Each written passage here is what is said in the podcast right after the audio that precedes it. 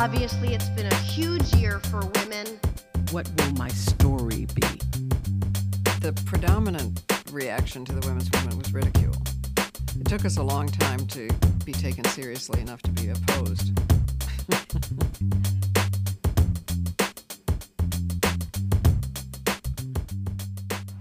ברוכות הבאות לפרק ההיכרות הסופר מרגש של הפודקאסט החדש שלי, בגוף ראשון, מדברות נשיות בעולם החדש. הפודקאסט הזה הוא הזמנה, הזמנה למסע. מסע במסגרתו בעונה הקרובה נחקור ונגדיר מחדש איך נשיות אלטרנטיבית נראית בעולם המשתנה הזה שאנחנו חיות בו. נשיות שמיטיבה איתנו, נשיות שלוקחת אותנו בחשבון. ניחשף להגדרות מגוונות של הרבה מאוד אורחות ואורחים שיגיעו לכאן, שייתנו לנו את נקודת המבט האישית שלהם על איך נשיות משתנה בימים אלה, יחד איתנו תוך כדי תנועה, ובאילו תחומים ועולמות דעת היא באה לידי ביטוי בצורה פנומנלית, וחשוב שנכיר אותה דרכם. אז נעים מאוד שאתן כאן, כמה כיף שבאתן. קוראים לי פאר אומנסקי, אני סטורי טלרית, מנהלת קהילות, מרצה ויועצת עסקית, שמלווה ארגונים, עסקים, סטארט-אפים ואנשים מיוחדים שרוצים למקסם את הנצנוץ שלהם בחשיכה בעידן הדיגיטלי. את קהילת בגוף ראשון הקמתי בחודש מרץ 2019, ביום האישה הבינלאומי, והיא צמחה מתוך משאלת לב שמלווה אותי מאז שאני זוכרת את עצמי. משאלת לב שרוצה לראות כמה שיותר נשים בפרונט. כמה שיותר נשים שעושות reclaiming על הסיפור שלהם, על המקום שלהם, על התהודה שהן יכולות לייצר סביב העשייה האישית או המקצועית שלהן. קהילת בגוף ראשון היום פעילה ברשת, באינסטגרם, בפייסבוק, אבל יש לה גם שלוחה פנים אל פנים. אמנם תקופת הצינון של הקורונה שמה את זה על הולד, אבל מסיבות הסלון הוורוד מתקיימות כאן באופן תדיר, פעם בחודש, ומאפשרות לנו לפגוש אחת את השנייה, במקום טבעי שמשלב בין ביזנס לפלז'ר, בניגוד לכל מה שסיפרו לנו שיקרה. הקהילה הזאת באה לעשות דבר אחד ברמה הכי פרקטית שיש.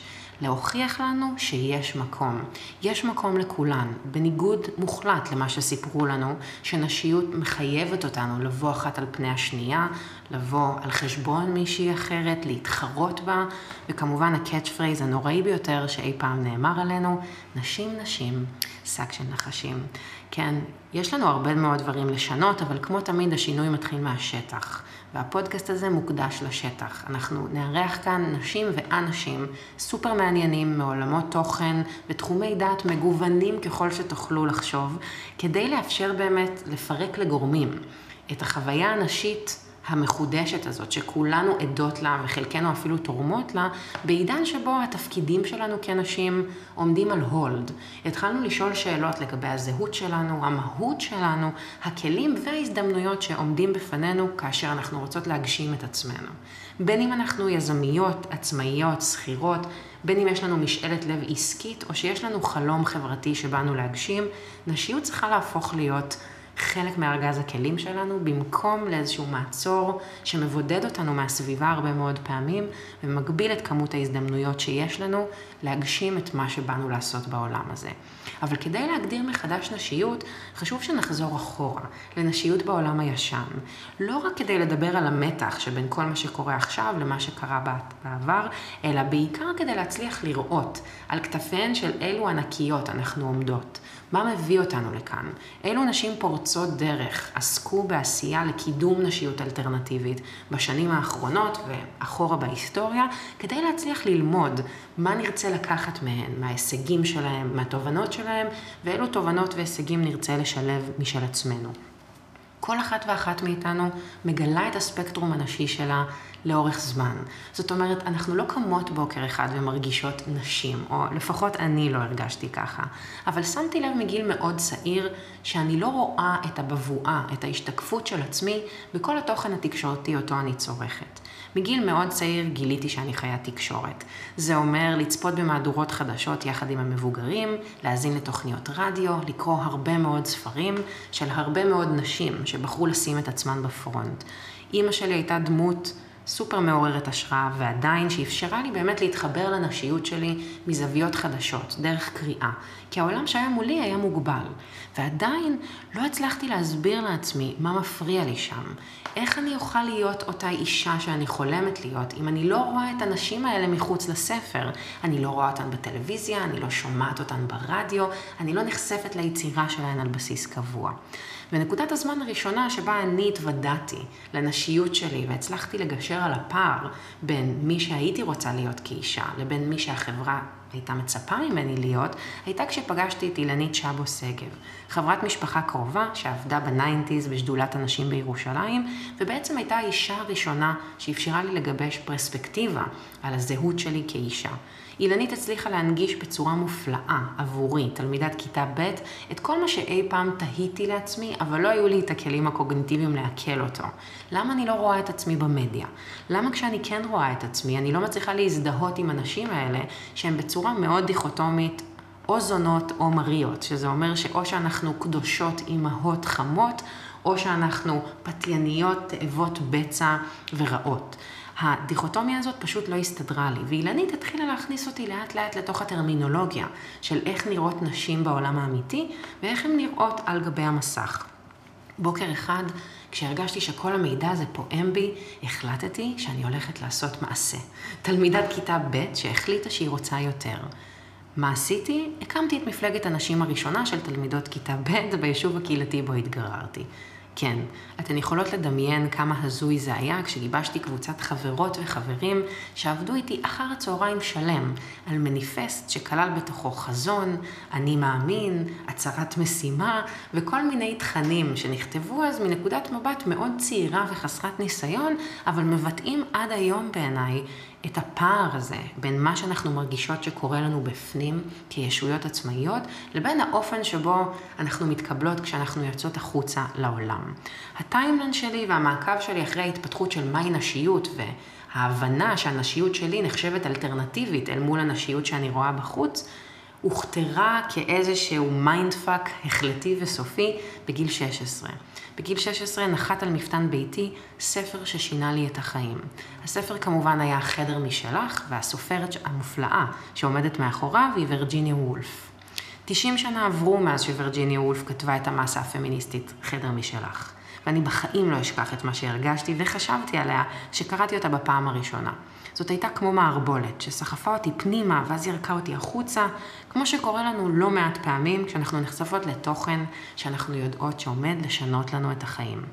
וולף לימדה אותי שאם אני רוצה להצליח בחיים האלה כאישה, אני צריכה מרחב. אבל מה זה צריכה מרחב? אני חייבת אותו. וולף לא כל כך דיברה על המרחב הנפשי של יצירה, המקום שבו יש לנו חופש פנימי, היא דווקא דיברה על המרחב הפיזי, בצורה הכי פשוטה ומובהקת. אם אישה רוצה להצליח ליצור דבר מה משלה בחיים האלה, היא אמרה, היא צריכה חדר. ארבעה קירות בהם היא אדונית לעצמה, ממש מרחב מוגבל. תחום מסורטט שמגדיר את האוטונומיה הפיזית שלנו, על היצירה שלנו, על הקול שלנו, על היכולת שלנו לדבר את עצמנו על העולם בגוף ראשון. חופש כזה, בתוך חדר, אפשר להרגיש בין הפאנלים, מין דלת כזאת שאפשר לפתוח ולסגור, חלון שאפשר לפתוח אותו כדי להתבונן. כל האלמנטים האלה מבטאים חופש מאוד גדול ביצירה, ואכן חדר משלך, מסה פמיניסטית פילוסופית, אפשר גם לומר ברמה מסוימת, שנכתבה בשנת 1928, היא בעצם אסופה, מקבץ של שתי הרצאות שוולף העבירה שנה קודם באוניברסיטת קיימברידג' במכללות לנשים. ההרצאה הזאת שהפכה גם לסוג של מניפסט, שמגדיר מחדש את תפקידה של האישה ברומן, כחלק מהיצירה הספרותית, באמת שינה באופן מהפכני את האופן שבו תפסו אומנות ויצירה נשית בתחום הספרות בסוף שנות ה-20, תחילת שנות ה-30 באנגליה ומסביב לעולם. והרעיונות האלה שוולף דיברה עליהם לא עזבו אותי לרגע. אני זוכרת שכבר בגיל 16 פתאום הרגשתי שאישה מהעבר מציגה בפניי סוג של צ'קליסט. צ'קליסט שאני חייבת לענות עליו אם אני רוצה לשמור על המקום שלי בעולם כאישה יוצרת. שני אלמנטים עלו בצורה מובהקת במניפסט הזה שכתבה וולף. הראשון הוא החשיבות של אותו חדר עליו דיברנו. מרחב פיזי שהוא בשליטה המוחלטת שלי, שאני נמצאת בתוכו, אני יכולה לקבל את החופש לגלות לאן האומנות והיצירה שלי לוקחת אותי. אבל האלמנט השני, פחות לא חשוב ממה שהראשון היה, הוא כמובן money, money, money, everything is about the money. כן, בואו לא נשלה את עצמנו, גם בסוף שנות ה-20 באנגליה, וולף הייתה מודעת לפריבילגיות שלה.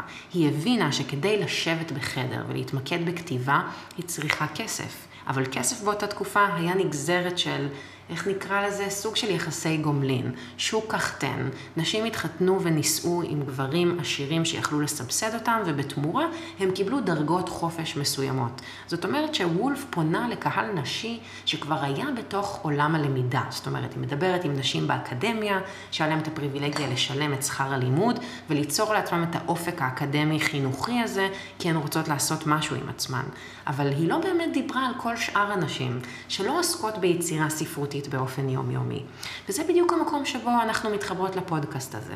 הדברים שווירג'יני וולף דיברה עליהם עומדים במבחן הזמן. כולנו יודעות שעצמאות כלכלית ומרחב יצירה הם חלקים בלתי נפרדים מהמימוש שלנו כנשים יוצרות. אבל יחד עם זאת, וירג'יני וולף בכלל לא דיברה על החשיבות של קהילה. היא לא דיברה על המקום הזה שבו להיות במרחב, שהוא גם יכול להיות רוחני או דיגיטלי, שבו אני חולקת עם נשים אחרות, אמיתות, על עצמי ועל העולם, הוא הכוח שיכול להניע יצירה והגדרה מחודשת של נשיות בתחום מסוים. וולף דיברה באמת על עולם הספרות, אבל ברשותכן אני רוצה לקחת את התובנות של הצעד אחד קדימה. ולתהות מתוך נקודת מבט מאוד מפוקחת, האם אנחנו באמת עדיין זקוקות למרחב פיזי? האם החדר הזה שבו אנחנו יוצרות, היום יכול לקבל גם הוא ביטוי אלטרנטיבי, ולהתבטא באופן שבו הקהילות הנשיות שלנו מתחברות זו עם זו, נותנות לכל אחת מאיתנו מקום בהתאם למה שמתאים לה. יש נשים שהימצאות במרחב פיזי עם עוד נשים אחרות, ממש לא מעורר בהם השראה. הן דווקא אלה שאוהבות להביט על הכל מרחוק. ודווקא כאן קהילות דיגיטליות נכנסות כמשתנה די חזק, שתוקף אותנו מכל הכיוונים ככה בחמש-שש שנים האחרונות. החשיבות של לקחת את ההגדרות שוולף דיברה עליהן, אותה עצמאות כלכלית ואותו מרחב יצירה, ולשאול את עצמנו למה אנחנו זקוקות, הנשים של העולם החדש, כיום, כדי לדבר בגוף ראשון אל העולם.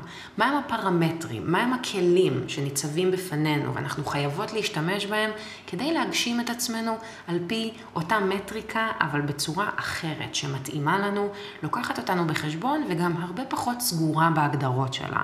עולה השאלה באמת של האם יש מקום לנשיות אלטרנטיבית, ואם כן, איך אנחנו מגדירות אותה. מה זה באמת אומר להיות אישה בשנת 2020? האם בכלל יש רק הגדרה אחת?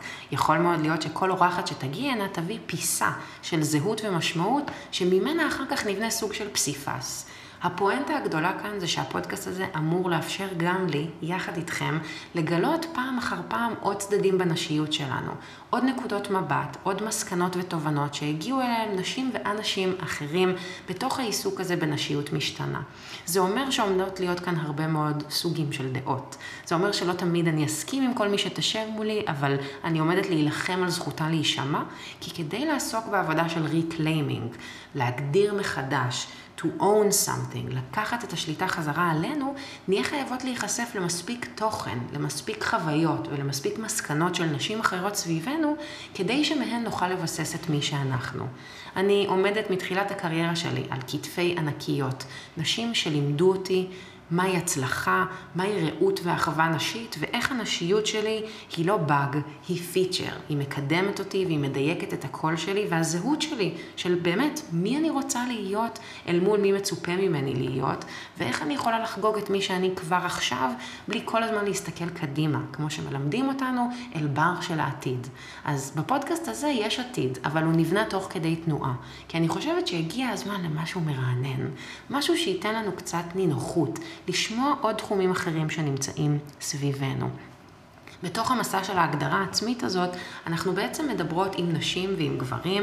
כמובן, גם הקהל של הפודקאסט הזה בתקווה יהיה מעורב, אבל חשוב לי להעביר אותו בלשון נקבה, מהסיבה הפשוטה שהמניפסט הקהילתי שלנו עוסק בנשים בפרונט. כמובן שיש שותפים טבעיים וכן הלאה, אבל באנו לכאן מסיבה אחת פשוטה, לייצר מרחב חדש, אחר, שעוד לא נתקלתי בו בישראל, במסגרתו נשים יכולות לבוא לידי ביטוי, ובסוף של המסע הזה, העונה הראשונה, שעומדת באמת להיות מוקדשת להגדרות מחדש של נשיות ופרשנויות לנשיות אלטרנטיבית, אני מקווה שכל אחת ואחת מאיתנו תצא עם איזושהי מסקנה או איזושהי מחשבה חדשה על הנשיות שלה.